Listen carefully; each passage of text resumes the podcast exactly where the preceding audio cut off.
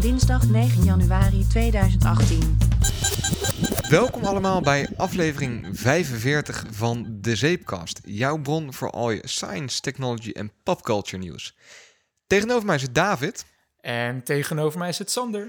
En wat heb ik dit gemist, zeg? Ja man, wat is er ge- wat, wat is gebeurd? Wat? Ja, het heeft allemaal even geduurd. Ja, dat, dat, dat zeg je altijd. Nee, nou ja, maar dit is wel onze langste break tot nu toe en ook dat weet ik niet onaangekondigd. hoor. Want volgens mij was het vorig jaar rond Ja. deze tijd ook, was het ook zo. Als ik me niet ja, ik, ik, ik heb gewoon een beetje eh, decemberangst, denk ik, of zo. ja. Nee, ik, ik was... alleen eh, jij hoor, ik ook. We waren allebei gewoon... eh, Ik, ik zat op de wc. nee, ja, ja, het heeft gewoon even geduurd. Ik, ik, het kwam er gewoon even niet van. Dat, dat Ja. heb je wel eens. Ik merk wel dat ik het heel erg gemist heb, hoor. Ik ben echt ook, blij man. dat ik, hier weer zit en jou weer tegenover me zie met je grijns. Hè? Ja, zeker. Ik heb dit ook gemist. En het is, eh, het is toch... eh, ehm, ja, dat, dat, de decembermaand, die dagen, dat is gewoon ontzettend druk. Maar ja. het, is, het is meer dan dat, hoor. Want eh, we zijn allebei ook gewoon druk met van alles. En... ja, de focus zit dan gewoon even ergens anders op. We, We wij zijn er beide gewoon- zoekend in de wereld. Zo moet je het, hè? Ja, maar dat, dat brengt dan ook wel weer hopelijk weer mo- mooie nieuwe energie en daarom. stof. Ik denk dat het ook een beetje, podcast. een beetje bij hoort. Hè? Als je dan eh, op een gegeven moment richting de 30 eh, gaat, dan... eh, Jij fixeert daar veel te veel op. Dat, dat is echt, dat valt me op, jongen. Ja, ik, eh, ik vind het helemaal niks. Maar goed, als je daar naartoe gaat, Waarom niet? Dan begint eh, ga je toch je plek in de wereld vinden. En dat is misschien wat laat, maar ik, volgens mij zitten wij wel in het, hetzelfde schuitje de, daarin. op, ja. ja. wel op dezelfde golflengte daarin. Van dat je denkt van, oké, moeten nu wel echt dingen gedaan Nou ja, ik, krijgen. ik, ik kijk wel eens om me heen en dan, dan zie ik... ehm, weet je wat me nu voor het eerst opvalt? En dan gaan we het... We gaan het voor de rest helemaal niet over leeftijd hebben of zo. Nee. Maar dan zie ik mensen dingen bereiken. En dan hoor ik hoe oud ze zijn. En dan zijn ze echt veel jonger dan ik. ja, maar hey, wij hebben de zeepkast, jongen. Dat hebben wij bereikt. Dat is gewoon... In, in mijn idee wa- was vroeger waren altijd mensen die dingen bereikt, waren altijd ouder dan jou. Ja, Dan was dat soort van toekomstmuziek. Snap je Ja. wat ik bedoel? ja, ja, ja, Eh, of of, nou een groot artiest was, of Ja. eh, nou, een Olympisch eh, sporter. Of... Tegenwoordig is bijna iedereen jonger dan ik die dingen bereikt, zeg maar. Ja. die, die, die, dus dat... dat Ja, het is een soort van, soort van pre-midlife crisis. Ja. Het is een eh quarter-life crisis. Wat zoiets, hebt denk ik. zo. Zoiets, ja. Een quarter-life crisis, ja. Maar goed, het is nu eh 8 januari. ja, tijd voor goede voornemens. 9. Mag ik dit eh, moment aangrijpen om even al onze luisteraars een eh, heel gelukkig 2018 te wensen? Beste wensen, zeker. Ja. Wat wens jij voor 2018? Wat wens ik voor 2018? Ik zou het wel leuk vinden, ehm, want ik kan nu allemaal dingen gaan roepen die, ja, waar onze lu- luisteraars helemaal niet zo. Ik wil wel mijn muren verven of zo, dat is niet zo spannend. Maar wat ik heel leuk zou vinden is als we de zeepkast toch weer op een goede manier kunnen wegzetten. Niet wegzetten als Ja. in stoppen, maar kunnen ehm, We kappen ermee. nee, aan, aan de man kunnen brengen. ehm, door Ja. kunnen zetten, voort Ja. kunnen zetten. Dat daar weer een, een groeiende lijn in komt. zeker. Ja. Ja, de groeiende lijn is altijd goed, zeg maar. Dat alles nou, niet wat- altijd. Een groeiende lijn in je schuld is, is niet fijn. Toch? Oké, wisecrack, ja. Ja. Eh, een, goede, groeiende lijn hierin en iets positiefs. Dat, dat, ja, tuurlijk. Kijk, we hebben het vaak genoeg over gehad. Van, we doen het met ple- plezier. Eh, we zullen geen hard getal noemen voor hoeveel, minimaal, hoeveel luisteraars we minimaal nodig hebben. Maar Vijf. ja, vier dan? Vier. Nee, daar doe ik niet voor. Nee, Zeg maar vier Vijf mensen. wel. Ja, vijf wel. oké. Van harte. Ja. Ja. Ja, maar het is toch wel, eh, ja, op een of andere manier zit je toch wel zo in elkaar om het, het, het geeft een soort drijfveer of zo. Het, het fungeert wel. Ah ja, eh, iedereen wil gehoord worden. Dat is een van... van Ja. ja, je, je bent een mens, dus je wilt gehoord worden. En dat is wel je fijn. wil als een je eh, stempel achterlaten. op de wereld. Ik wil de wereld veranderen. Ja, Nee, maar dus, dus mijn goede, goede voornemen zou zijn als we met de zeepkast wel iets weer, eh, weer gaan doorgroeien. Dat zou ik leuk vinden. Ja. Ik denk wel dat we het op, de, manier, op onze manier moeten blijven doen. Dus ik wil niet ineens een heel gelikt Ja. media-concern eh, nastreven. Niet dat dat zou lukken, maar dat, dat, daar ligt mijn ambitie ook niet. Ik vind de chaos van de zeepkast ook... eh, dat is een charme en die moeten we te alle tijden bewaken. ja. ik denk op het moment dat we te veel richting een gelikt eh, intro... met eh standaardpunten en... je snapt wat ik bedoel? ja, ik snap Gaan- heel goed wat je bedoelt. Dan, Kijk, het Als we daar zijn, kroeggesprek moet gewoon intact dan blijven. staat het al onze luisteraars vrij... om via Twitter het codewoord gelikt Ja. te sturen. En dan zijn wij, Ja. ehm, als we het ermee Ja. eens zijn, de volgende aflevering daarna gaan we dronken doen. Je daarvan? Ik ben Ja. sowieso wel eh, regelmatig gedronken. Nee. Ehm, ja, dan noem je ook Twitter. Want sowieso, dat, dat had ik ook als eerste talking point Mhm. idee naar je gestuurd. Hè? Gewoon over social media, maar dat wil niet vooruit springen. Maar dat is gewoon sowieso even- iets, iets waar we beter in moeten worden. Kijk, ik ben sowieso, sowieso niet, persoonlijk niet echt van de goede voornemens per se. Ik, eh, ik heb wel, denk ik wel goede voornemens, maar voor, voornemens, maar ik noem ze gewoon niet. Ik, eh, Ja. ik vind gewoon dat je het moet hebben en dan gewoon moet doen en niet moet verkondigen. Of Die lullen me poetsen. Hè? Ja, nou ja, niet, niet, niet per se zo, maar ik denk dat je dan gewoon meer eh, kans van slagen hebt. Oh, maar echt grappig. Maar bij mij werkt het juist andersom. Als ik een goed voornemen heb, dan eh, ga ik dat tegen zoveel mogelijk mensen vertellen. Ja, Als stok achter de deur, dat ik het ook daadwerkelijk moet doen. maar werkt het ook? Als je heel vaak wel, bent. vaak wel. Ja? Ja, ja, ja. Bij mij werkt het totaal niet. Het nee? Is echt, nee, omdat je dan gewoon... We hebben, het wel eens vaker over gehad. Je krijgt al vooraf de complimenten van... Oh, goed man. Ja, tof. Nee, goed dat je dat gaat doen. Ik moest er laatst nog aan denken. Een- iemand zei tegen mij van... Natuurlijk het cliché. Ja, ik ga, ik ga nu stoppen met roken. Of Ja, ik, roken. ja jij, jij, verwijst naar die, die eh, post, ik geloof van, van, van Wait But Why over uitstelgedrag. En als je... Ook, het heeft met meerdere factoren ik, ik weet niet of... Nee, je hebt ooit... Volgens mij was het niet van Wait But Why, maar inderdaad een artikel naar mij Het doorgestuurd. was eh, de gast die CD Baby had opgericht. Ehm, ik ben even zijn naam kwijt, maar die had ook een TED ook niet Talk uit. gedaan. Ja. En die kwam dus met de theorie van eh, eh, als je eh, dingen gaat verkondigen, dan krijg je al positieve reacties. Dus dan denkt je brein dat je het al behaald hebt. Ja. Dus dan ga je al. Nou ja, de, de, ja, de, de, de mens is een... bereikt. Je, je bent in feite een programmeerbaar iets. En de beste manier van iets inprogrammeren is werken met beloning. Toch? Ja, precies. Maar die beloning krijg je dan Ja. een soort van al vooraf. Zit dat in. is, is de theorie natuurlijk. is in. dat niet keihard zo. Dus eh, iedereen is anders. Maar ik moest er laatst ook aan denken, want toen zei iemand tegen mij van ja, ik ga, ik ga minder roken, ik ga stoppen met roken. Met, ik meteen, ja, tof man, goed, ja, zeker. En eh, hoe ga je dat dan aanpakken? En we hadden het gelijk helemaal over. Ik zat helemaal in de positieve vibe. Toen dacht ik van, shit man, nu eigenlijk help ik die persoon daar niet mee. Eigenlijk moet ik, moet ik eh, gewoon zeggen van, ja, ja, oké. Zien we nog wel. Ja, en dat is dan heel lullig op dat moment. Maar dan, dan eigenlijk wil je dan in die, in die persoon creëren van... wacht maar, Ja, ik ga het tegendeel bewijzen, weet je. Ja. Dat is eigenlijk van uitstel van beloning, weet je. ja oké. Dus toen dacht ja, ik weet niet, ik moest aan Dus, dus jij wil je goede voornemens graag even voor je houden nu. Ja, absoluut. Zullen we even eh, hashtag factcheck er nog in, eh in draaien? Eh is een beetje een rare hashtag factcheck, want het gaat over twee maanden, zeg maar.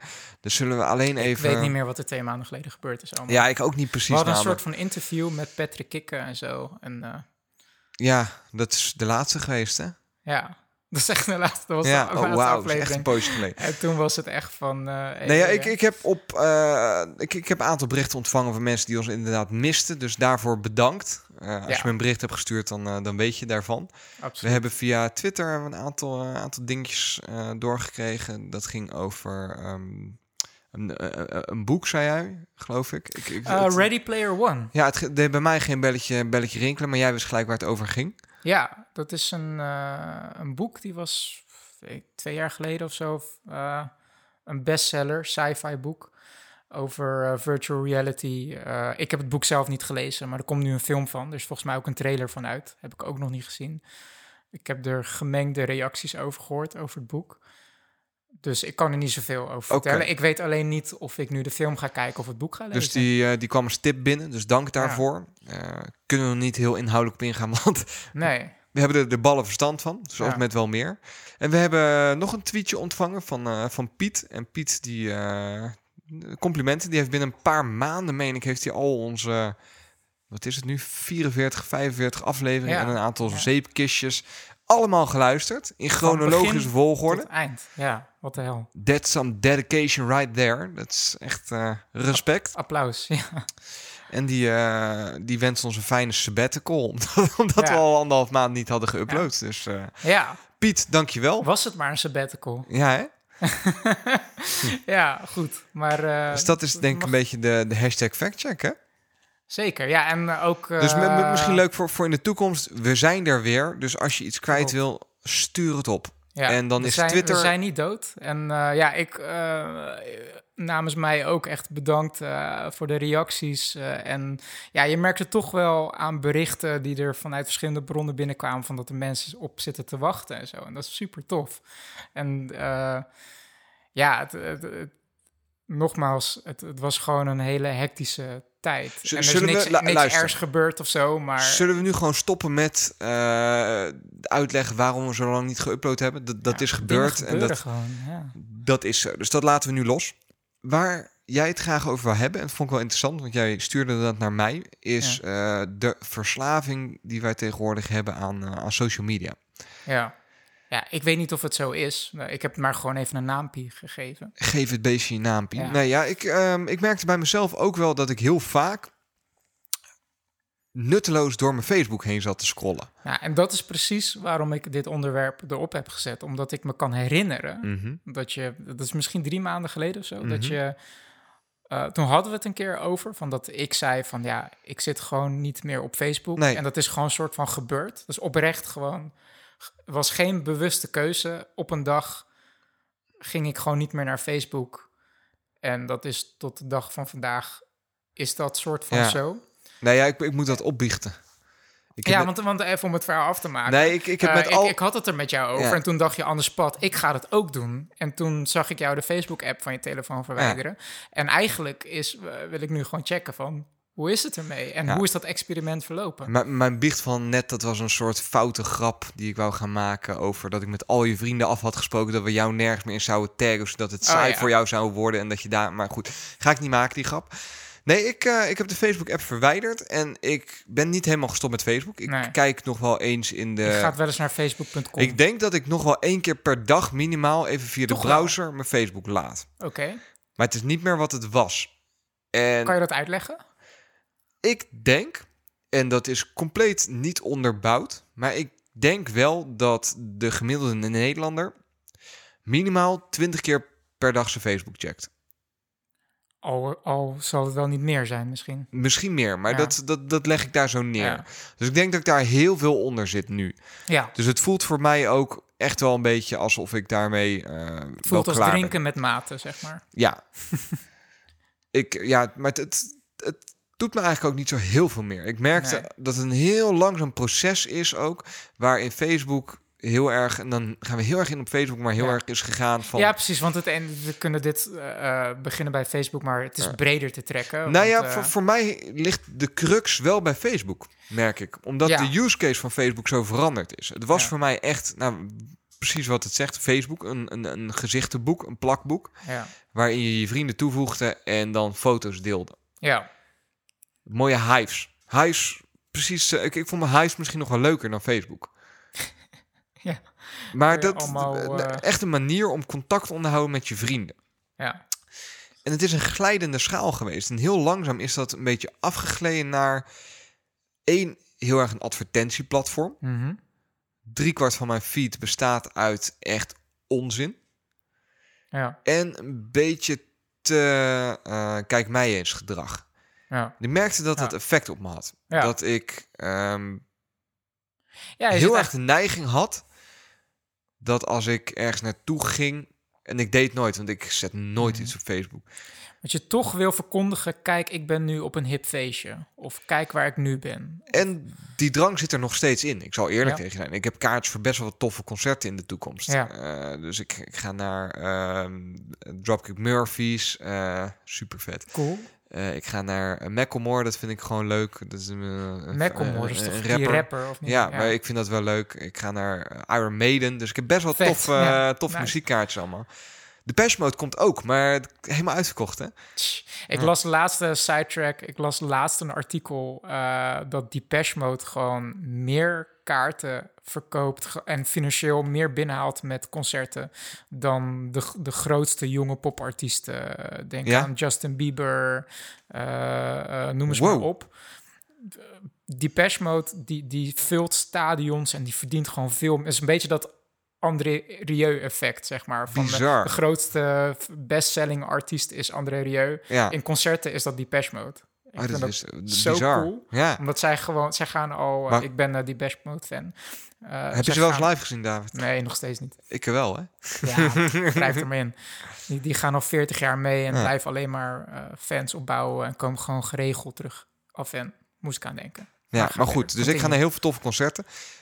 En ik denk toch van tevoren, het is ook wel een beetje... Ik zou het leuk vinden. Ik vind het leuk om dat tegen mensen te vertellen dat ik daarheen ga. Dat is ook de reden dat ik het nu noem. Ja. Is dat dan hetzelfde gedrag?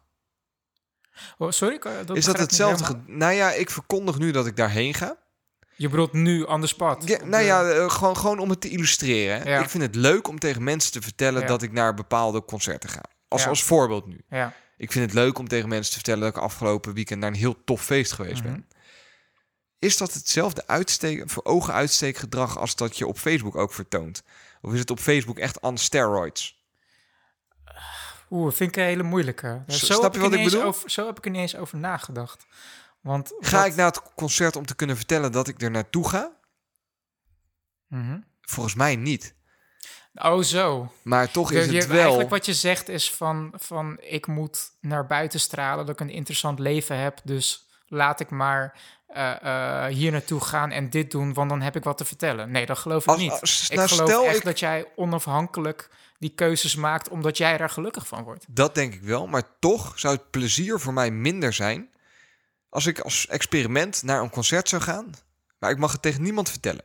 Ik ga daarheen, ik, ik zie het, Ja, ik, ga weer weg. gaat. Ik mag achteraf ook tegen niemand vertellen over Ja. mijn ervaringen. Ja. Dat Maar zou voor mij zijn- wel... Dat zijn de mooiste dingen. Daar ben ik echt van overtuigd. Dat je gewoon puur dingen doet en gaat Mhm. voor jezelf of zo. Toch denk ik dat de voor- en napret... grappig, want we noemden net aan het begin van we willen gehoord worden en de zeepkast moet huge worden. Nee, maar zo, daarom. maar- Maar, dat, ik, ik denk oprecht, ik durf het ook wel zo te zeggen, dat ik Ja. wel onderdeel van de fun vind dat ik eh, ook verkondig dat ik het ga doen of heb gedaan. En het daar dan ja, met mensen ik snap over wat hebben. je zegt en eh, ik weet niet zo, ja. Daar moet ik nog even over nadenken. Ik vind het wel eh, een Dus- goeie dus, dat je dat zegt. Eh, aannemend dat dat zo is, Ja. dus dat jij, tenminste dat dat voor mij zo werkt, Ja. dat ik het leuk vind om te laten zien dat ik ergens ben, ja. of dat nou ogen uitsteken is of niet, ik vind dat wel leuk. ja. Dan vind ik Instagram een veel mooier medium. Ja, en ook daar ben ik praktisch mee, mee gestopt met Instagram. Ik, ik heb nooit, ik heb een Instagram-account. Mijn laatste post is van Ja. eh, anderhalf Maar jaar je kijkt geleden. wel geregeld. Ik kijk wel eens Hoe daar vaak? doorheen. Eh, minder dan Facebook. Minder dan Facebook. Dus dat is, want Facebook kijk je één keer per dag. Ja, nou ja, kijk, Instagram, ik... Op de een of andere manier, ik ben niet zo'n goede fotograaf. Dus het, ja, Bij jou zit altijd het een triggert mij niet. Maar ik vind wel in de essentie, dus in de core, vind ik het een mooier platform. Omdat het Ja, ben ik met je eens. eenduidiger Ja, is ja. Dan, dan, dan Facebook. Het is gewoon, het is gewoon wat, wat ik fijn vind aan Instagram en, en aan de andere kant ook aan Twitter, is dat het gewoon één ding is. Het is gewoon een lijstje met één soort iets. Precies Twitter, dat. Twitter is gewoon een lijstje met korte berichten.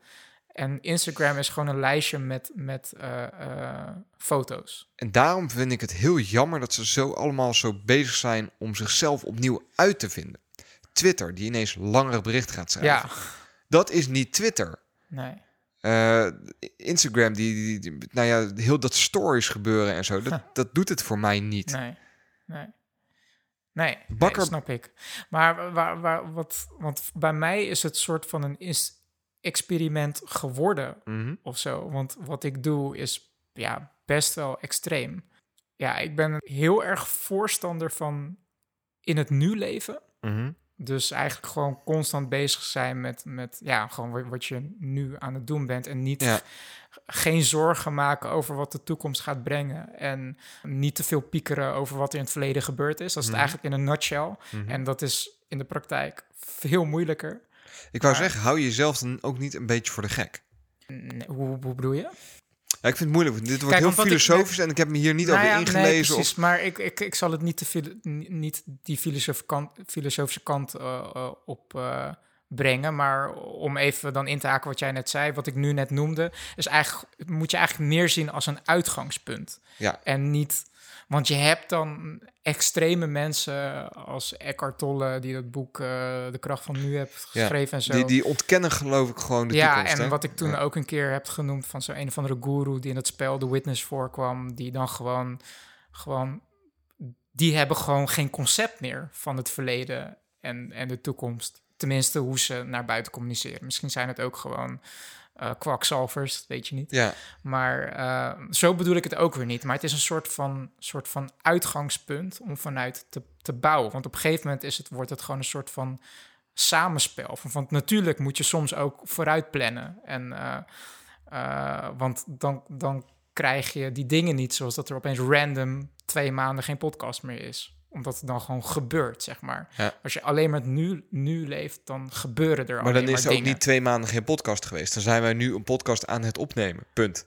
Precies, maar ik bedoel meer Ja. dan weer macro van als je dan kijkt van eh, hoe dan twee poppetjes door het leven gaan, van dat het, het is geen planning, dus snap je? Ja. Weet je wat ik bedoel? Ja. Dus er zijn constant alleen maar dingen aan het gebeuren. Maar ik vind het wel een soort eh, mooi uitgangspunt of zo. En wat ik merkte dan in, in de, aan de tegenkant is dat je als je op social media zit, dan zit je constant in een soort van dan de negatieve kant van het nu kan ik het eh, het beste beschrijven. Dat je constant in een flow zit van oké, wat is nu iedereen aan het doen?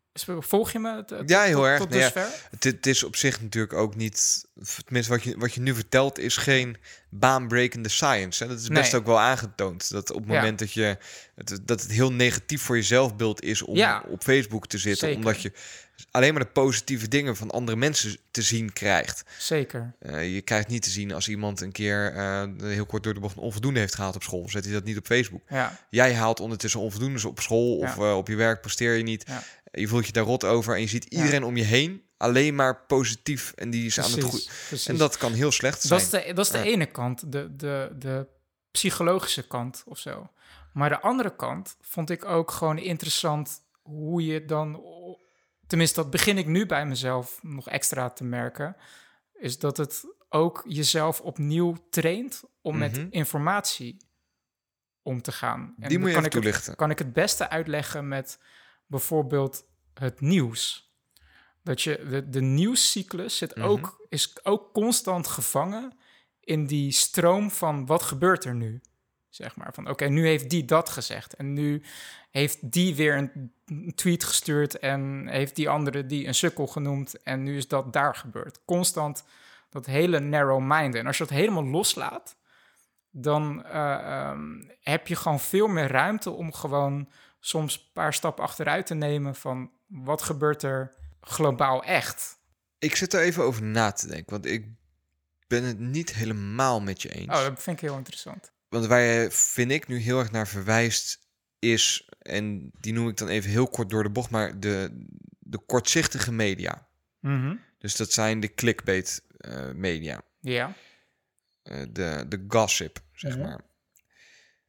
Ik denk oprecht dat als je kwaliteitsjournalistiek bedrijft, ja, en ik ga geen namen Nee, nee. hangen, want dat, ja, dat gaan we gewoon niet doen. Ja. Dat je als kwaliteitsjournalist of journalistiek bedrijft, dan kan je, ehm, dan schrijf je sowieso eh, achtergrondverhalen. dat en ben dan ik met je een eens. scenario. Dat ben ik met je eens. Maar mijn argument, en dan breng ik het weer een beetje terug met social media, is Mhm. dat social media, de algoritmes achter social media, die zullen jou altijd eh, eh, de, de nieuwsitems en de artikelen en, en verhalen brengen die, die dus heel erg uh, kort zijn en nu zijn of zo. En Mhm. zullen niet zo snel jou een overzichtsbeeld geven. En als je dat loslaat, dan ga je juist naar... Want ze zijn er.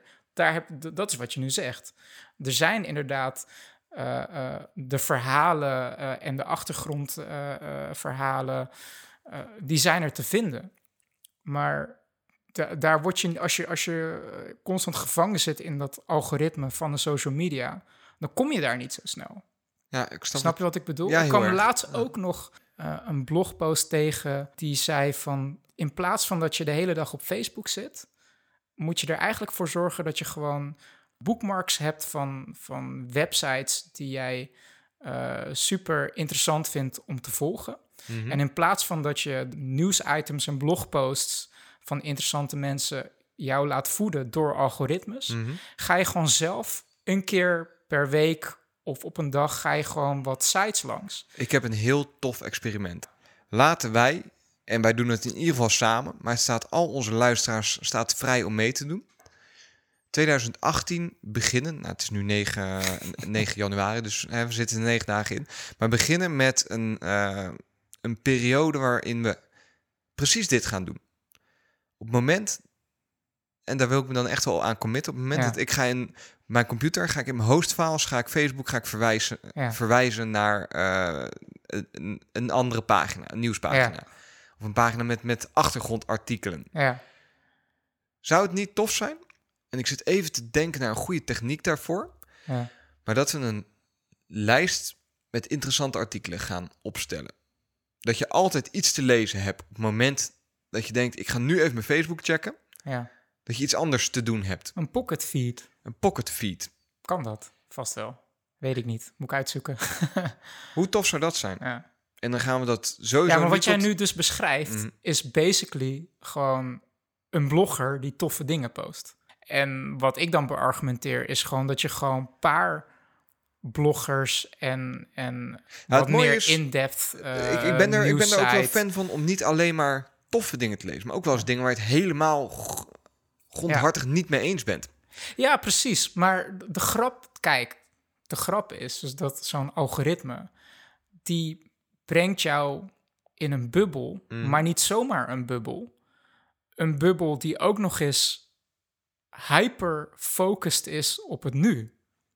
Ja, En eh, ehm, dan weer helemaal teruggaan op wat ik zei, van dat ik het heel fijn vind om in het nu te leven. Maar het is een, in werkelijkheid is het een wisselwerking van in het nu leven en een paar stappen achteruit nemen om wel een totaal plaatje te krijgen van het verleden en de toekomst als het ware.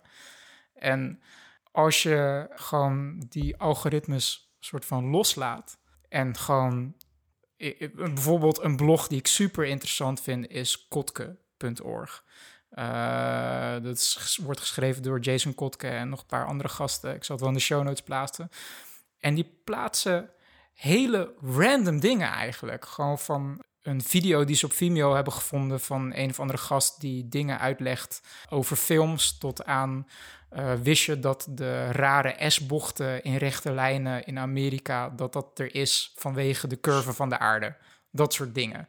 Maar het is wel gecureerd, omdat het gewoon een aantal bloggers zijn die die soort van bepaalde dingen interessant vinden. ja. En daardoor word je steeds ook soms kom je gewoon echt hele weirde dingen tegen. Rare van waar je niet zomaar op was gekomen, wat een algoritme ook nooit voor jou had. nooit bij jou had gematcht, zeg maar. Nee. Ja. Nee, precies. Ik, ik denk en- dat, we, dat we dat moeten gaan doen. Maar dat, ik, ik vind het grappig, want dit heeft echt een totaal andere wending genomen dan ik had gedacht. Want wat ik ook heel interessant vind is, eh, eh, en eh, even om het af te sluiten, ik ben niet van mening dat iedereen moet stoppen met Facebook of zo. Het heeft ook zijn voordelen. Want het is gewoon een heel handig communicatieplatform. Ik heb ook gewoon wel de Facebook Messenger app op mijn telefoon staan en een David profiel bestaat. Ik, je kan dingen met me sharen en me voor mijn events uitnodigen. Ik zie dat dan niet zo snel. Nee. Maar ook daarvan denk ik van ja, dat is ook handig. Dat is ook een handige manier van communicatie. Eh, en ik ben gewoon wat moeilijker te bereiken. Eh, dat is het ook het gevolg ervan. Omdat iedereen nu op een soort communicatiehub zit.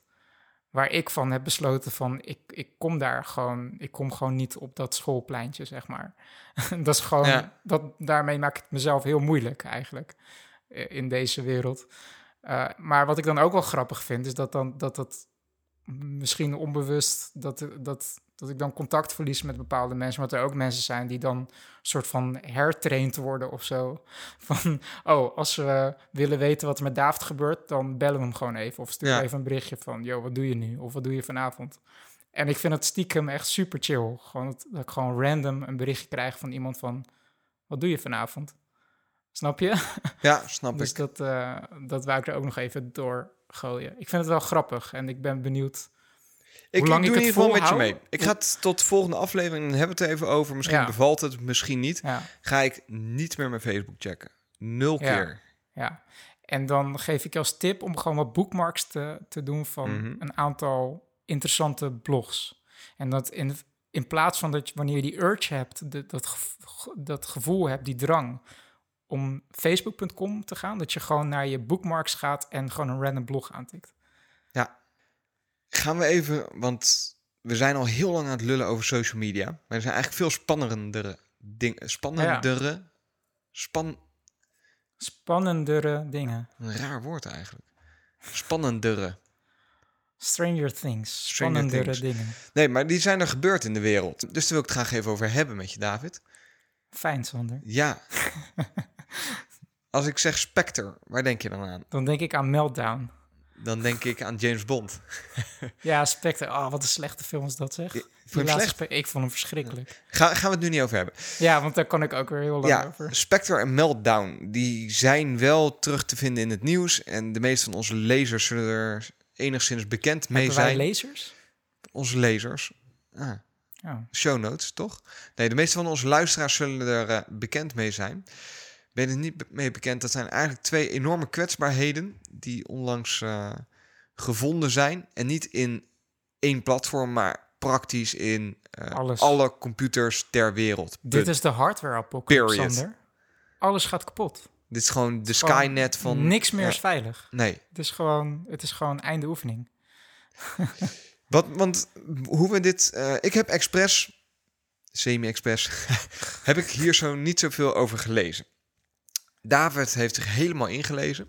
Nou, dat valt ook wel weer mee. David weet Maar- alles. Nee, dat is niet waar. Alles. Want dit is oprecht wel heel ingewikkeld. Maar toch vind ik het... Want ik kan je dus niet... Ja, jij, jij bent dus 100% heel erg van, van onder de indruk. Hè? Jij, jij, dat is het goede woord. dit ja. is echt heel... eh, heel dit, dit is een major thing. Dit is wel een, een, een- big deal in de wereld. Nou, ik kwam het volgens mij voor het eerst via Mac Rumors tegen. Mhm. Zo'n blog eh, over Apple. En ik, ik zat dat te lezen eh, en ik dacht van... Wow, dit is heftig. Ik, ik, was, ik was een beetje verbaasd over. Ik, ik, dacht, ik dacht echt van, is dit, is dit echt? Ik, eh, ik bedoel, ik vind, ik vind Mac Rumors een leuke site, maar dat is niet... Dat is niet de site waar ik aan denk als er, eh, wanneer er iets... eh, de, Majors de, de nieuwsitem van de eeuw wordt gepost of zo, snap je?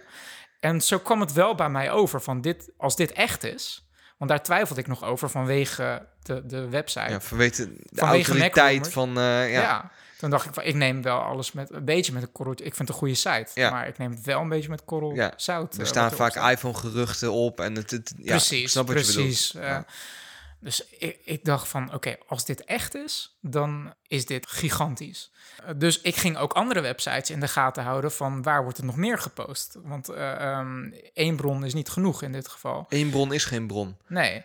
En ik zag het ook niet op de, op de nieuwssites eh, eh, staan. eh, de hele dag niet. Ook, ik zat ook echt de hele dag te checken. Was, was Mac Rumors daar zo snel mee ten opzichte ze van waren alle echt, ja, van, van- in mijn bubbel waren ze de eerste. En het duurde even, het duurde denk ik wel echt twee dagen voordat echt dat de meerdere artikelen naar boven komen. En dat echt The Verge en Wired echt met het verhaal kwamen. En dat hebben ze toen ook wel beter opgeschreven dan Mac Rumors. Maar toch, weet je. Ja, want, want hoe, nu we het hebben over, over opschrijven, misschien is het ook wel, nou, komen we zo maar even uitleggen wat het dan is. Ja, precies. Maar daar bouw ik, eh, wou ik dus naar, De spanning naartoe bouwt bouwen. de spanning opbouwen. Ja, Want de headline van Er zit een constructieve designfout in alle Intel-chips die de afgelopen 10 jaar verscheept zijn, is op te lossen met een software-update en alles wordt tussen 5 en 30 procent trager. Wauw. Ja, zo zat ik dus ook. Van, All your base belongs to us. Zeg Ja. maar. Gewoon... Dus dat was gewoon, dat, dat is, eh, eh, en dat is, eh, in de praktijk is het veel genuanceerder. Niet alles wordt 5 tot 30 procent trager. Maar de rest klopt. Het is super heftig. In, in het fundament van alles wat we gebruiken, Mhm. van computers tot laptops tot tablets, maakt niet uit of het Windows, Mac of Linux is. eh, cloud servers, de servers van Amazon. Overal zitten chips, er zit wel een chip in. En eh, een overgrote deel gebruikt Intel. Ja. Ja, je, je hebt, wat is het, twee, drie grote chipfabrikanten ter wereld. Intel, AMD, eh, Ja, eh, ARM. ARM. Ja. Dan heb je het wel. Ja, en Intel is 100% getroffen. Eh, die is gewoon echt de Sjaak, zeg maar. Ja. Alles wat een Intel-chip heeft, is gewoon praktisch... eh, eh, ja, die, die is kwetsbaar voor, Ja. hiervoor. En ehm, zeer waarschijnlijk zijn een groot deel van de ARM-chips... dus ook de chips in iPhones en iPads... en misschien ook een aantal AMD-chips... die zijn eh, ook eh, kwetsbaar. Kwetsbaar, ja. Dat is nogal wat. Eigenlijk alle denkende computerapparaten, daar zit ergens wel een chipje in. Ja, en hoe je het eigenlijk voor je moet zien. En het verhaal erachter is ook gewoon best wel vet of zo. Want het is, het, het- dit blij, eh, is ongeveer een half jaar geleden eh, in een span van een aantal maanden door verschillende researchgroepen ontdekt. Waaronder eh, researchers van Project Zero van Google. Dat is Ja. een echte groep hackers die constant op zoek Het zijn is naar... allemaal white hat, hè? Ja, ja dus Ja. allemaal hackers die, die naar zwakke plekken zoeken en dat dan, omdat ze goede bedoelingen hebben, Ja. dat aan de fabrikanten doorgeven van, joh, Dus je hebt eigenlijk dit. drie, drie typen ha- hackers. Je hebt white hat hackers, die melden alles en die doen het voor de, the good of the world, zeg maar. Je hebt grey hat hackers, die eh, zitten eh, een beetje ertussenin.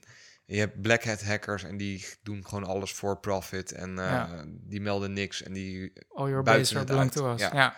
En er zijn ook een aantal universiteiten, die hebben allemaal onafhankelijk.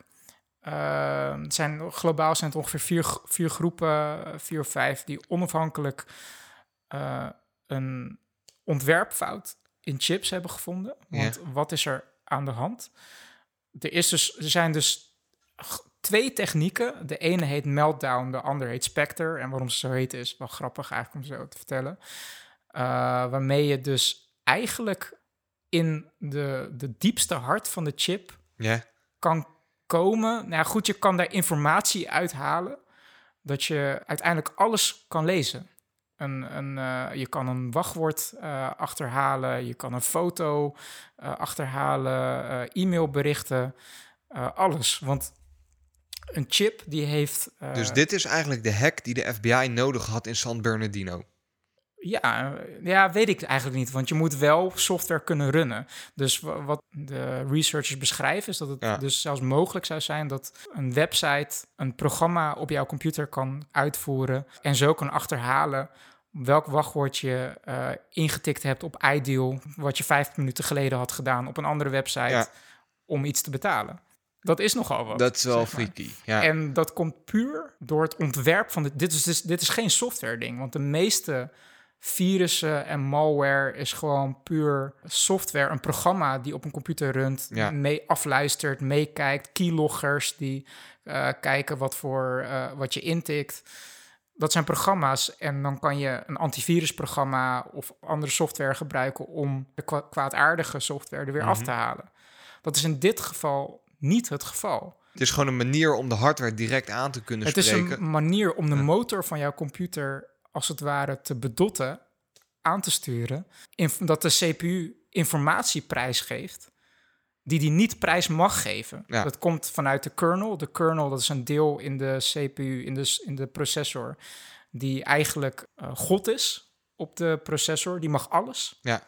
Normaal gesproken, als je, als je die, die, dat godgedeelte van de proce- processor probeert aan te spreken, krijg je eigenlijk onzin terug. Ik, dit, dus onbewuste vergelijking, lees er niet te veel in als je Ja. religieus bent.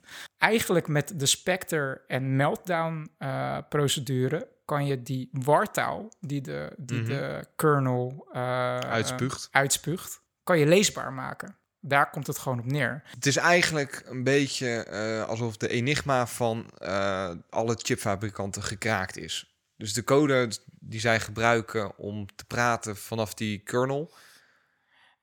Ja, niet helemaal een, een- goede vergelijking. Want wat, wat researchers ontdekt hebben, Mhm. is dat een. eh, om, en nu komt de reden waarom processoren waarschijnlijk voor bepaalde taken nu trager gaan worden. Ik voel hem al aankomen hoor. Maar Processoren gebruiken, en, en dit is een ontwerp wat al twintig jaar wordt gebruikt, en het wordt nu pas ontdekt. Mhm.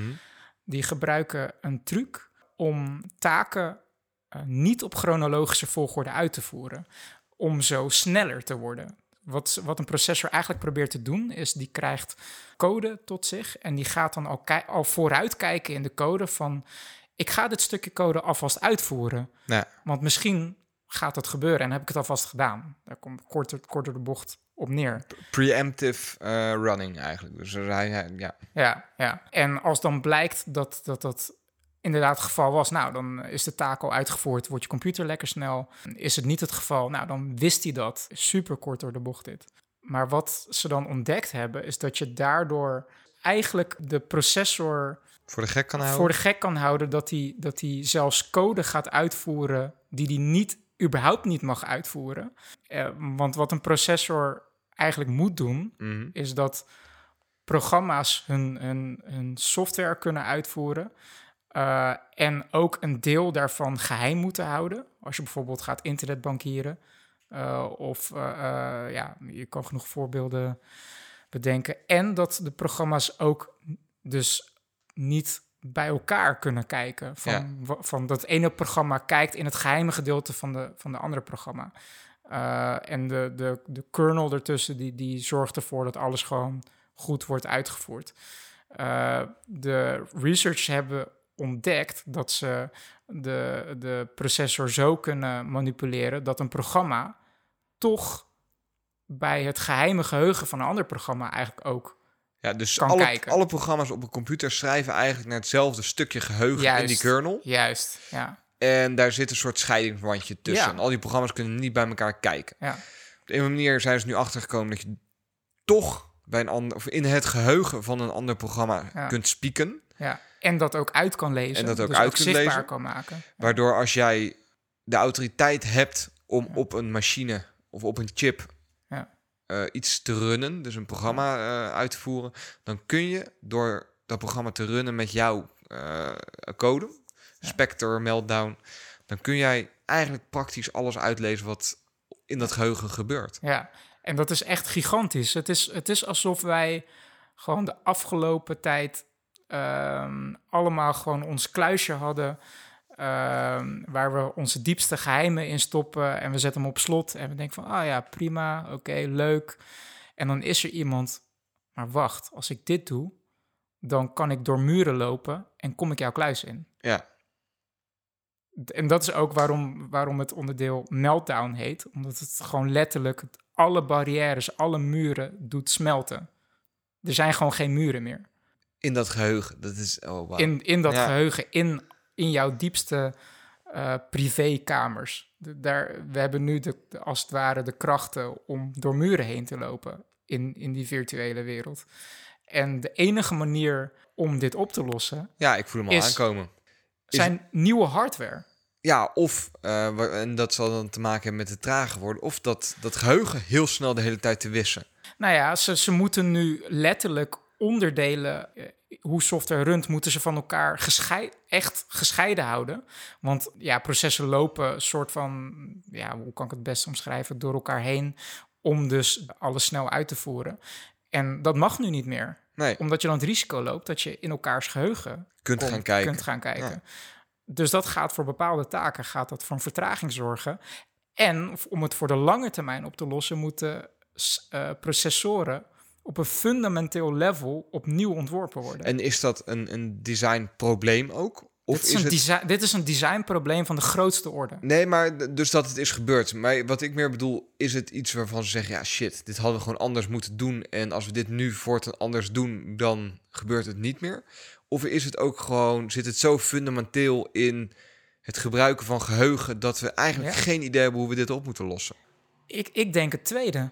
Dan heb je wel, ja... Ik denk dat dit, dit eh, processoren worden al twintig jaar met deze technieken ontworpen. Ja. En waar we nu over spreken, en daarom is het ook zo lastig uit te leggen, is het meest fundamentele op de, op de silicon niveau chip design wat er is, zeg maar. Dus dit is echt de grondvest, het fundament. Daar klopt het niet. Dat eh, En, wordt eh, leuk. Ja, precies. De, en en eh, eh, de, de Spectre is dan een alternatieve techniek om ehm, eigenlijk via een ander programma, een ander programma, dus de, het e- programma A, die manipuleert programma B om zijn, zijn geheime prijs te geven. Dat is Spectre en dat is super moeilijk uit te voeren, maar dat is nog moeilijker om uit te bannen. En daarom hebben ze het Spectre genoemd, omdat we daar nog jaren last van gaan hebben. Wauw. Maar dat, ja, potentieel, nou, of niet, dat is een enorm probleem. Want dat het heel moeilijk is, dat is geen... Nou ja, we, we een- hebben Stuxnet gehad. Je ziet hoe ver overheden durven en willen gaan En- om... Dat is het andere eh, deel van het verhaal en het enge. Eh, nu hebben binnen korte tijd, terwijl dit probleem al twintig jaar bestaat, Mhm. hebben vier researchgroepen hebben dit onaf- onafhankelijk van elkaar eh, ontdekt. Nee, dat, dat is En- dus wat mij ook intrigeert. En zijn er misschien al andere Black Hat groepen of... eh, Dat dit- weten we niet. Overal lees je van, dan, er zijn een aantal eh, ehm, eh, Q&A's, dus eh, Ja. vraag-antwoorden eh, van eh, eh, groeperingen die dus eh, ja, eigenlijk het publiek proberen te info- informeren. En dat is de vraag van, ehm, ben ik hier slachtoffer van geworden? Heeft iemand dit op mij gebruikt? Het antwoord is, weten we niet. Dus dat, dat is echt, echt, echt, als je over nadenkt, heel bizar.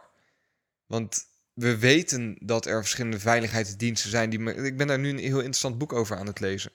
Maar we weten dus dat er verschillende overheden zijn die, die, die echt wel technieken in willen zetten om informatie uit te lezen.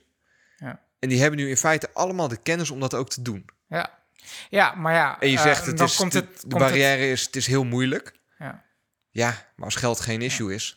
Maar ja, kijk, eh, eh, waar we het nu over... Dit is nu pas naar buiten gekomen, maar dit Mhm. is al maanden bekend. Intel is er ook al eh, op de, achter de schermen met alle partijen al mee bezig. Want waarom denk je dat er nu deze maand nog een Windows-update uitkomt die dit gaat patchen? Amazon die hou- houdt deze maand een grote onderhouds... eh, hoe noem je dat? Die gaat gaat al hun servers updaten. En dat was allemaal al aangekondigd. Hè? En, en iedereen dacht van, oh, dat is wel heel toevallig, dat iedereen nu tegelijk met een soort update komt of zo. Ja. En niemand wist waar het over ging. En toen kwam dit verhaal omhoog. En toen gingen mensen het linken van, wow, dat is één en hetzelfde. Apple heeft toegegeven dat in de laatste High Sierra... eh, eh, update zat er al een soort mini-patch hiervoor. En er komt nog een grotere update in de volgende High, Si- eh, High Sierra Maken update. ze wel weer een slechte beurt daarmee, vind ik hoor. Wat? dat, dat ze één, weinig communiceren en twee, laat actie ondernemen. Ja, maar dat blijkt dus dat Intel dus achter de schermen al een half jaar met alle partijen, eh, Apple, Microsoft, Amazon, Google, bezig waren met een software fix. Die nu, eh, die nu massaal wordt uitgerold. Ik, eh, ik ja, aan de ene Dat kant is, toch, dat is toch ongekend? Het, dat het is beangstigt ongekend. me aan de ene kant. Aan de andere kant vind ik het ook wel een heel mooi, een heel spannend verhaal. Daarom. Zo, zo moet ik misschien zeggen. Het Daarom. Is, ja, Dat is ongekend. hier gaan we later boeken over teruglezen, denk jij? Ik denk dat dit echt, echt... Nu zie je de zwakte van een chipmonopolie. Ja. En het eerste wat ik dacht toen ik het artikel ook las, was van... wauw, dit is echt een godsgeschenk voor Apple... als zij bezig zijn achter de schermen met ARM-laptops. Met hun eigen chip. Totdat ik las dat ARM waarschijnlijk ook slachtoffer is. Dan dacht ik van, hè, dat is Ja, jammer. hey, jammer. Maar in Ja. het begin, eh, eh, de eerste uren, de, de aandelen van Intel, die kelderden echt gigantisch. Omdat, ja, heftig hoor. Ah. Echt, eh, Vet. ik hoop dat ik het een beetje heb kunnen overbrengen, waardoor ik hier best wel obsessief over was de afgelopen dagen. Want ik ben ook echt op benieuwd eh, wat voor sporen dit gaat achterlaten. Bijna letterlijk met eh Spectre. Ehm, ja, je hoort hele gemengde verhalen over eh, de, de, de impact in snelheid van computers. Mhm. Van tot aan van ja, gamers zullen er helemaal geen. Want dat, dat was ook een groep die helemaal in de stress schoot van ja, gaan mijn games nu langzamer runnen en zo. Dat schijnt dan alweer mee te vallen. Maar ja, ik ben heel benieuwd. eh, Welke kant dit op gaat. ja. Nu we het over PR en zo hebben. Wil je het nog even over Apple's batterij eh, verhaal ja, ik hebben? dat we gewoon weer even een lekker lange podcast van maken. Want ik wil het ook heel graag met je over Star Wars hebben. Ja, hè? maar we ook. kunnen nog even kort inderdaad in het verlengde van PR nog even op Apple inzoomen. Ja, want ik, ik vond het wel... Het heeft mij wel bezig gehouden, dat verhaal. Ja, Eh, dus nou ja, als je onder een, een steen geleefd hebt... eh, Apple die eh, heeft in iOS 11, ik geloof zelfs al in iOS 10... hebben ze ehm willens en wetens oudere toestellen langzamer gemaakt. Zo las je dat in alle headlines. Hè? daar werd ik echt oprecht heel boos van. Dat ja, ik gewoon dat was wat er stond. Eh, eh, inderdaad eh, titels lang voorbij zag komen van Apple geeft toe dat ze oude iPhones langzaam maken. Ja. Dan zeg ik, dan denk ik echt van ho even. Dat is feitelijk waar, maar de zin wel klopt char- totaal niet Nee. in de context. Het, is, het is compleet uit context Ja. getrokken. Maar het heeft mij wel bezig gehouden. En vooral Ja. de discussie die er omheen is ontstaan. Omdat ik ook niet helemaal weet wat ik er nou van vind. Ja, snap ik. Ehm, want wat Apple Wat is gedaan er heeft... gebeurd? Nou, kijk, je zou de headline zou je ook kunnen vervangen door... Apple voorziet oudere telefoons van de snelst mogelijke software. Ja, precies. Want wat, wat is er eh, ehm, Apple, ontdekt? Ja, kijk, app, eh, batterijen die worden natuurlijk... het, het komt vanuit Reddit. Misschien moeten we het even... Dus Ja. er, er- er was een gebruiker op Reddit. Reddit, eh, nou, is een groot internetplatform. En die eh, had een, eh, een benchmark-test gedaan op zijn, eh, op zijn processor. Dus Mhm. weet je wel, dat ding Gewoon dat nu, meten hoe snel zijn dat processor ding dat nu gehackt is. Ja. Had hij een snelheidstest op gedaan. Voordat hij zijn batterij had vervangen. Mhm. Voordat hij zijn batterij ging vervangen en daarna. Ja. Wat bleek, na het vervangen van zijn batterij... was zijn processor ineens een stuk sneller in die benchmarks. ja, in de metingen van... eh, ja. Dat is best wel een, een, een ding geworden. Dus dat is groter en groter geworden. Tot een punt waarop Apple daar wel op moest reageren. En de reactie daarop was eh, dat ze toegaven van dat klopt. Wat wij sinds iOS 10 en 11 doen.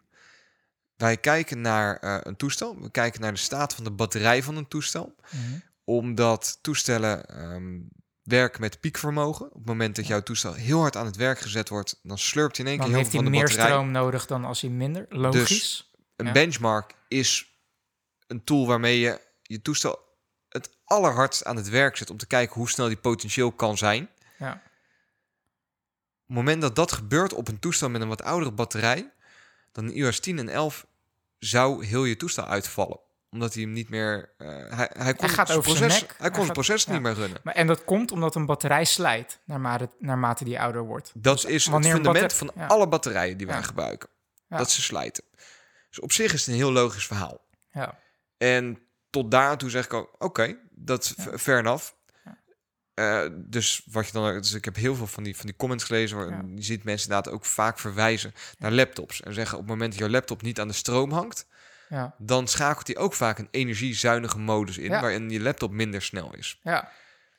En dat klopt. Dat is in feite wat er gebeurt. Maar, en daar reageren dan weer andere mensen heel boos op. En die zeggen ook, ik heb de keuze of ik dat wil of niet. ja, je hebt de keuze of Bij je wil laptop dat je... wordt het dat aangegeven. Ik krijg rechts onderin krijg ik een pop-up ballonnetje die zegt energiemodus geactiveerd. Zo, zoiets. Ja. Dat vind ik ook een heel valide punt. Mhm. Ja, maar een MacBook doet dat trouwens niet, hè? Een MacBook die communiceert niet dat die trager is wanneer die wel of niet op stroom zit. Nee, maar doet hij dat wel, een MacBook? Nee, Nee, maar het gebeurt ook niet. Een MacBook die, die, die weet gaat ik niet. Want Apple, zeker na dit verhaal weet je het niet. Want Ja. eh, kijk, het ding is met Apple, en daar ben ik echt oprecht van overtuigd, die maakt keuzes voor jou. Ja, Je, je eigenlijk ik ben er van, van mening dat als Apple-gebruiker betaal je Apple om keuzes te maken voor jou waar je eigenlijk geen verstand van hebt. En dat is onder andere hoe laat ik mijn computer zo goed mogelijk werken. En daar is onderdeel van, is power management. Dus eh, tegenwoordig geven ze wel in de software aan van dit programma gebruikt op dit moment veel stroom. Ze communiceren op de Mac nu wel wat meer over, uh, nou hier gaat je stroom naartoe. Maar in de basis is het gewoon een, een dichte doos. En dan is het Apple's werk om die maar te laten runnen. Tenminste, dat, daar geloof ik wel in. En daar valt dit ook onder. Van, uh, of uh, Apple laat de, de, de processor gedragen, net als toen die nieuw was. En dan komen ze erachter van, oké, als je batterij wat ouder wordt, dan kunnen we dat niet meer doen, want dan valt je telefoon random uit. Uh, dus om dat te voorkomen, gaan we het, dat noemen ze dan throttelen. Dus het eigenlijk het, het voet op, op je gaspedaal, zeg maar, af en toe loslaten. Uh, wanneer zo'n piek komt, om te voorkomen dat je telefoon uitvalt. Dat is eigenlijk uh, wat het is. Dus dan heeft Apple de keuze voor jou gemaakt van dat is beter voor jou. Want dan, um, ja, dan heb je nog steeds plezier dan van valt, je telefoon. valt je telefoon niet uit. Ja, ja. ja precies. En als je, als je dat zo bedenkt, denk je van ja, dat klopt. Dat ik, ik heb liever dat Mhm. mijn telefoon ietsje trager is dan dat die uitvalt. Wat, wat ik dan niet handig vind, is dat, dat uh, en hier is dan een beetje de discussie van wat is wijsheid, is had Apple een pop-up of een uitroepteken bij je batterij-icoon moeten geven van... joh, we merken nu dat jouw batterij het nu niet meer helemaal aan kan. We gaan je Mhm. telefoon voor nu even wat trager maken. Um, wil je weer je originele snelheid terug... Uh, dan uh, kan je naar de lokale Apple Store om je batterij te vervangen. Daar, De, ja. ik, ben er, ik, ik ben er nog niet helemaal over uit of dat de oplossing was geweest. ik dus maar de, ook de waarheid zit ergens in die richting. Want het, wat- het wat- komt nu heel, heel, heel uh, ehm, ongelukkig over. Want eigenlijk nu, uh, uh, terwijl Nee, het niet waar schuld- is, krijgt je gekke oom tijdens het kerstdiner gelijk van... ja, zie je wel, Apple maakt je oude telefoon langzamer... zodat je een nieuwe telefoon moet kopen. Feitelijk onjuist. Wat Ja. feitelijk onjuist is, maar het komt wel zo over. Dat is het nare. Tenminste, nou, het is feitelijk juist, maar het heeft een reden. Ja, Er- Maar- er, er zijn een aantal, aantal voetnoten bij te plaatsen. En dat, dat vind ik wel een goeie. Ik vind dat ze wel oprecht complete plank hebben misgeslagen met documentatie. ja, Al had je het maar ergens in een update notes gezet dat je dit doet. ja, Dan had je er altijd naar kunnen verwijzen. Had je kunnen zeggen, kijk eens jongens, we hebben dat daadwerkelijk wel gecommuniceerd. Iedereen heeft er alleen overheen gelezen. ja, Zet dat ergens in de kleine letters. Ja. Dicht dat gewoon af. Daarnaast vind ik het wel een beetje een vinger op de zere plek leggen. En die plek is dat je niet kunt downgraden. Ja. Dat is een heel groot pluspunt, maar ook wel een manco. Maar je bedoelt van dat je mensen de keus niet geeft om naar een oude, oude Nee. versie software te gaan Als- waar, als- die, waar die maatregel nog niet in Het is mijn hardware. Het is mijn hardware. Ik heb dat Ja. gekocht, ooit. Ja.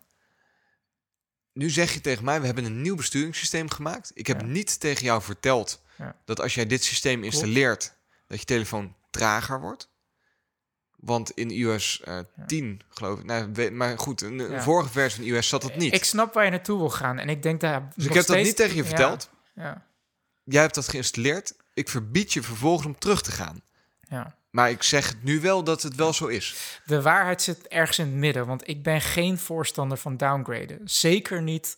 Na, ik snap je punt Mhm. dat je gewoon dat iemand moet bewust zijn wat hij krijgt wanneer die update. Nou ja, Maar er, zeker na het verhaal van Meltdown Spectre, up, je moet altijd updaten. Ja. Altijd. Alleen het, eh, wat, wat het jammere is aan de slechte transparantie, eh, in dit geval van Apple, eh, is dat je nu waarschijnlijk situaties. ze, ze hebben er zeker voor gezorgd dat je oude telefoon langer meegaat dan dat die random uitvalt. Want dan word je helemaal gek. Ja. Maar omdat mensen dit niet weten, krijg je waarschijnlijk de situatie van: oh, mijn telefoon is nu wel heel erg traag. Ik ga naar een nieuwe telefoon kijken. Terwijl ze eigenlijk gewoon hun batterij hadden kunnen vervangen. En waarschijnlijk gewoon nog weer plezier, lang plezier hadden gehad van het toestel.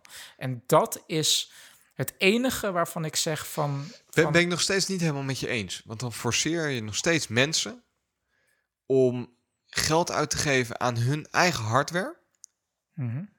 Omdat jij vindt dat zij up-to-date moeten zijn. Jij vindt dat, ik vind dat jij de laatste software moet hebben, Mhm. want die is veiliger. Mhm. En dat komt dat die software veiliger is, omdat ik geen updates push naar oudere systemen. Ja. Ik vind dat jij het laatste systeem moet hebben, dus jij moet je batterij vervangen. Nee, weet ik niet. Want je moet je batterij niet vervangen. Want ik heb nu een telefoon eh, met een eh, versleten batterij. Mhm.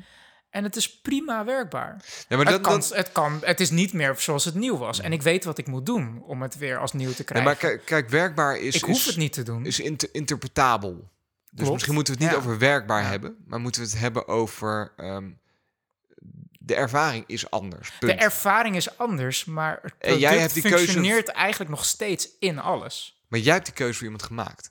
Klopt. En je geeft iemand Ja. niet de vrijheid om dan te zeggen: joh, ik heb 700 euro voor de toestel betaald. Ja. Ik zou toch graag dit niet willen. Ja. Kunnen we het nog even terugdraaien? Dat vind ik wel een pijnpunt. Ja, Snap je dat? Ik snap het wel, maar ik ben het er niet mee eens. Ik denk de waarheid zit hier tussenin. De- dat, denk ik, eh, dat denk ik echt. En het, kijk, het- dit is weer een gevaltje van het is gebeurd. En eh, Apple moet met de billen bloot, zeg maar. Ehm, en eh, wat ik extra jammer vind, is dat het zal Apple PR ook niet ontgaan zijn... dat er al jaren de verhalen rondgingen van van ja, Apple maakt mijn oude telefoon langzaam. Doen ze expres, want ik moet een nieuwe Joh, kopen. dit hebben ze bewust En- niet gecommuniceerd. Je gaat mij niet vertellen dat dit gewoon een, Klopt. een ze hebben PR-fuck-up het, is. ze het is een PR-fuck-up, maar ze hebben het... Wat ik probeer te zeggen is dat ze eigenlijk... eh, ja, Apple maakt oude telefoons langzamer. Nee, dat doen ze niet omdat ze willen... Dat doen ze, ze willen dat je een nieuwe Mhm. telefoon koopt, maar dat is niet de reden waarom ze jouw telefoon langzamer maken. Nee, wat ik zeg, En- je, je kunt de headline kun je veranderen. In Apple Ja. biedt jou... Dat is zo. Maar ik vind wel oprecht dat dat de meeste waarheid heeft... op het moment dat je mensen ook de keuze gunt om het niet te doen. Ja, maar daarom denk ik ook van dat het gewoon niet handig is dat ze dat. En als je van tevoren ze zijn gecommuniceerd had... Ze zijn ervan bewust dat het verhaal rondgaat. Dat mensen denken. Maar, dat maar luister, als je van tevoren gecommuniceerd had... van als jij deze update uitvoert... dan wordt je telefoon... eh, heb je wel het nieuwste besturingssysteem... dus je hebt een sneller systeem, maar jouw systeem zal niet zo snel zijn als dat op een nieuwe telefoon. Eh, Zo'n soort verhaal. Ja, Als je dat van tevoren gecommuniceerd hebt, dan kun je zeggen, ja, nu heb je het gedaan. Je had het terug kunnen lezen in de algemene voorwaarden dat dat zo was. Dus je bent ermee akkoord gegaan. ja. Maar dat is nu niet zo. Nee. En daarom vind ik oprecht dat ze iOS 10 nu nog moeten ondertekenen, moeten signen. Als jij wilt downgraden naar iOS 10, dan moet jij die optie hebben. Omdat Apple eh, nalatig is geweest bij het communiceren van de consequenties die ja- dat voor jou heeft. Ja, ik, ja nee. nee, zullen, nee. zullen we hem daar Ik gewoon vind dat ophouden? niet. Gaan we het zeker ophouden. Eh, maar ik, ik wil alleen zeggen, ik snap je punt, maar er is een betere oplossing. Downgraden is not the way to go. Of de optie bieden van downgrade is not the way to Nee, maar go. dat beslis jij dan voor iemand. Ja, maar soms moet je ook dingen beslissen voor mensen. ja, dat vind ik echt Ik zit even te denken, want hoe lang zijn we nu bezig? super lang. Ik wil dus namelijk zo graag, want ik, vind het, ik zou het zo zonde vinden als Star Wars een soort achteraf dingetje wordt. Snap je Ja. wat ik bedoel? Snap ik. Ik zou het leuk vinden om misschien wel een zeepkistje aflevering over Star Wars te maken. Oké, vind ik leuk. Laten we dat doen.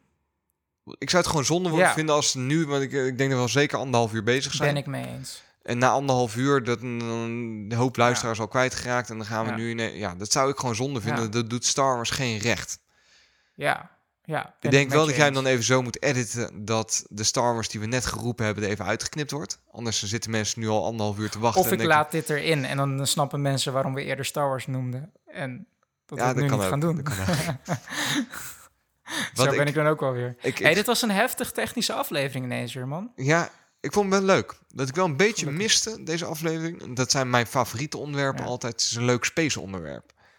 Ja, dat komt wel weer. Komt vanzelf bedoel, weer, maar dat, eh, ja, ik vind dat Ja. altijd leuk. Heb je gehoord dat, eh, eh, Elon Musk zijn, eh, zijn Tesla eh, in een, De ruimte in de ruimte schieten. gaat schieten. Ja, ik had. Terwijl Space Oddity van David Bowie afgespeeld wordt. Super vet. Wat een Ik nerd, had het jongen. gehoord. Ja. Ik hou ervan, heerlijk. En we gaan binnenkort, volgens mij over een maand, eindelijk de lancering van de Falcon Heavy zien. En de, Nou. De Falcon Heavy, daar wachten we echt al vijf jaar op of zo.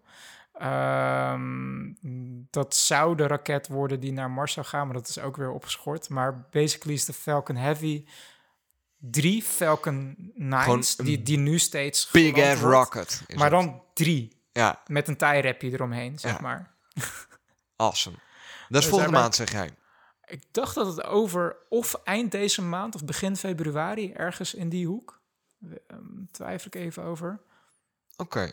Nou, dan, dat is wel interessant. daar heb ik ook wel zin in. Ja, ik ben ook wel weer wat interessante boeken aan het lezen. Over eh, vooral ook weer meer richting een wiskundekant. Maar wat wel he- hele toffe raakvlakken heeft met eh, artificial intelligence en zo. Ze hebben eigenlijk genoeg stof om 2018 ja, weer in te ik knallen. heb wel weer zin in 2018. Ja, ik maar. ook. Ja. Zullen we gewoon even onze verschijningsfrequentie in het midden laten? Ja, ik, ik hou niet van beloftes maken. Je Nee. moet, moet het gewoon doen. Niet lullen, maar poetsen. Die lullen me poetsen. Ja, want, Ja, eh, niet nu al iets roepen en dan de beloning daarvoor ja, krijgen. want terwijl we het opnemen, krijg ik zelfs ook nog een tweet van Dirk-Jan Faber. Van, houden jullie een sabbatical? Vraagteken. Hoi Dirk-Jan. Nee, we wij hadden gaan... een eh, geforceerde sabbatical. ja. David, ik ga je gewoon bedanken. Ik ga hem gewoon Ja. afsluiten. Vind je daarvan? Ja, het is helemaal prima. Lieve luisteraars, mochten jullie nog iets kwijt willen, je weet ons te vinden. We vinden het oprecht altijd heel tof om eh, iets van jullie te horen. Dus eh, nou, ik denk dat de beste manier om ons te bereiken op dit moment Twitter is. Ja, nou eh, zeker na dat hele betoog over Facebook. Ja, Daar moeten we wel wat op verzinnen. Want nogmaals, om dat ook, die cirkel ook rond te krijgen over communicatie. Ehm, nogmaals, ik ben niet van mening dat iedereen moet stoppen met Facebook. Het is oprecht handig. Joh, je, je maakt het allemaal veel, veel te moeilijk weer. We zeggen nu gewoon, we zijn het beste bereik op Twitter. Ja, En onze meest dedicated luisteraars, die luisteren altijd de afleveringen af, die Ja. horen dit nu. En daar horen wij van via Twitter. Punt. Toch? ja maar te moeten we wel doen. wat op verzinnen, maar dat komt wel.